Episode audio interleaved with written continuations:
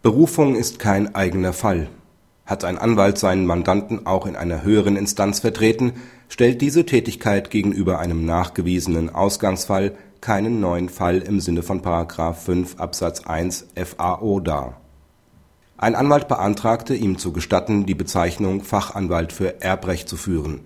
Seine vorgelegte Fallliste enthielt unter anderem auch Fälle, die die Vertretung von Mandanten in einer höheren Instanz betrafen unter anderem weil diese Berufungsfälle nach Auffassung der Rechtsanwaltskammer nicht berücksichtigt werden können, wurde der Antrag des Anwalts abgelehnt.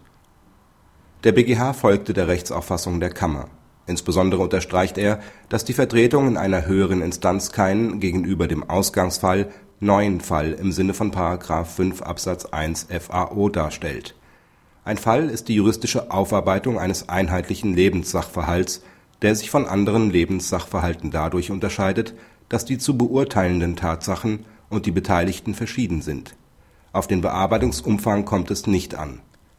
Der Anwaltssenat ruft in Erinnerung, dass Angelegenheiten, die ein Anwalt sowohl außergerichtlich als auch gerichtlich bearbeitet hat, ebenfalls nur einfach zählen, auch wenn sich das Mandat auf mehrere gerichtliche Instanzen erstreckt.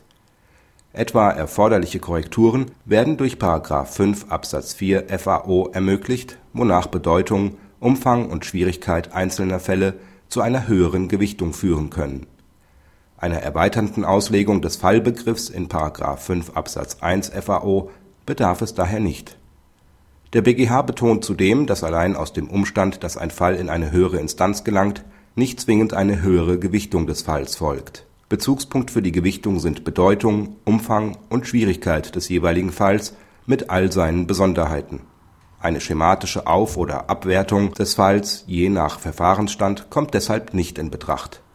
Dies gilt auch für die Fallbearbeitung in einem Berufungs oder sonstigen Rechtsmittelverfahren, die nicht schon für sich genommen eine Gewähr dafür bietet, dass der Anwalt hierbei in dem betreffenden Fachgebiet besondere praktische Erfahrungen erwirbt. So kann beispielsweise eine Berufung zunächst fristwahrend eingelegt und dann zurückgenommen werden. Wird bei unstreitigem Sachverhalt um Fragen des materiellen Rechts gestritten besteht, wenn die Sache in zweiter Instanz nicht gleichsam rechtlich auf neue Beine gestellt wird, ebenfalls kein Anlass für eine Höhergewichtung. Ferner ist es denkbar, dass das Rechtsmittelverfahren überhaupt keinen ausreichenden Bezug zu dem betreffenden Fachgebiet aufweist. Daran kann es zum Beispiel fehlen, wenn infolge einer Beschränkung des Streitstoffs Fragen aus dem relevanten Fachgebiet überhaupt nicht mehr erheblich sind. Praxishinweis im Zusammenhang mit der Frage, wie reine Mahnverfahren zu gewichten sind, haben Vertreter der Fachausschüsse der Rechtsanwaltskammern anlässlich eines Erfahrungsaustausches im Jahre 2009 die Ansicht vertreten, dass beim Mahnverfahren typischerweise die Annahme gerechtfertigt ist, dass der entsprechende Fall von geringerer Bedeutung, geringerem Umfang und geringerer Schwierigkeit ist. Deshalb sei eine Abgewichtung gerechtfertigt, sofern der Antragsteller nicht Gegenteiliges darlegt